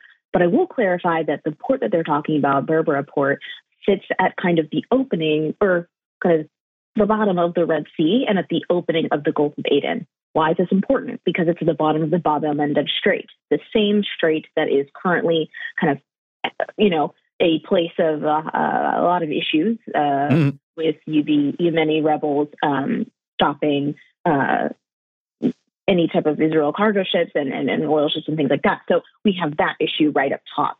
But then we have this Berbera port in Somaliland that's right next to Djibouti. Djibouti already serves as this um, hub, I would say, of all of the you know countries west and east, right? That have bases there. Um, that you know manage a lot of trade and is is really important to the Horn, but particularly for U.S. Uh, military interests and AFRICOM. Also mentioning that AFRICOM is very very involved in Somalia, so they have a lot of stake in making sure that uh, Somalia continues to be disastrous and in a chaotic place. I'll also have you know that Somalia is um, once they discovered oil uh, few years back, a couple decades back, that's been the start since the end of Cold War that Somalia has had, you know, all of these issues as it relates to instability. So knowing that, right, where is the U.S. in, in, in this issue right now or involved? I'll say that it's surprising because the U.S. State Department did come out with um, a statement and was asked about their view on Somaliland. And they said, oh, well, you know, they don't necessarily agree with what's going on with Ethiopia and Somaliland. But I don't, I wouldn't take that completely as um, at face value, right? Because for the past few years, there's been a lot of Western propaganda about Somaliland really propping Somaliland up as this you know, beacon of democracy and supposedly has a more fully functioning government than Mogadishu and um, could provide, you know, better economic stability to the region due to the port and things like that, um, which, I mean, isn't necessarily true. Somaliland has been in a desperate position um, over the past few years to gain some sort of credibility internationally. I would say, liken that to Taiwan, honestly.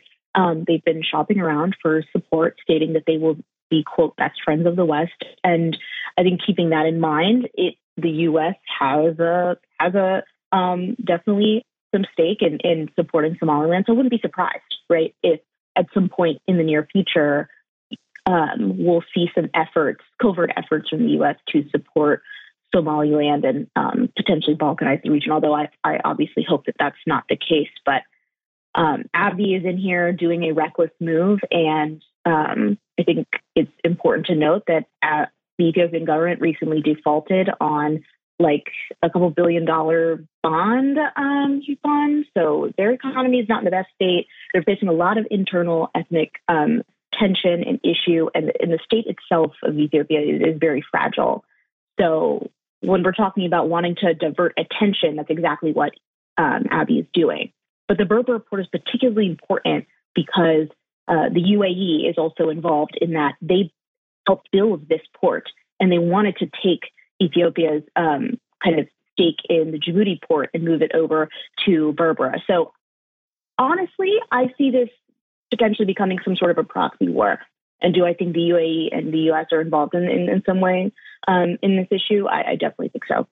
Um, we only got about a minute or two. U.S. says South Africa's court case is accusing uh, uh, accusing Israel of genocide is meritless. John Kirby says it's meritless, counterproductive, and completely without any basis in fact whatsoever. I think he's trying to tell us something. Your thoughts? Yeah, absolutely. I mean, come on, like of course they're going to say this. There's, this is also the same government that um, completely denied any any type of genocide going on. Right? They literally said we're not seeing any acts that constitute genocide, which is ridiculous. As we've seen um, plenty of the evidence. I mean, the case, the court case that South Africa has put up is incredible and incredibly detailed, and puts out all of the rhetoric that you know Israel has been uh, the genocidal behavior um, of Israel. So I think it's ridiculous that they're calling it baseless, but I mean, this is not surprising. Well, actually, they could have said nothing and they could have just yes, al right. allowed nature to take its course. And but for for Kirby to just be so utterly dismissive, meritless, it's meritless. meritless. Without all of those innocent people that are being decimated, vaporized, and murdered means nothing. That to me speaks volumes. 15 seconds. Yeah, I mean, I think that they're really taking a hard line, and I've, I've been saying this that um, they're not trying to let up on the issue okay. in um, the genocide in, in Israel. Um, they are moving towards the level of fascism because they are losing in terms of um, their support. So I think this says a lot about who's really winning here, and the U.S. is not. Yolian Ogbu, thank you so much. As always, greatly appreciate it. We look forward to having you back. Folks, you've been listening to the Critical Hour here on Radio Sputnik. Thank you for allowing our voices into your space on behalf of myself and my co host, Garland Nixon. We hope you were informed and enlightened, and we look forward to talking with you all right here tomorrow on Radio Sputnik. Be safe. Peace and blessings. We're out.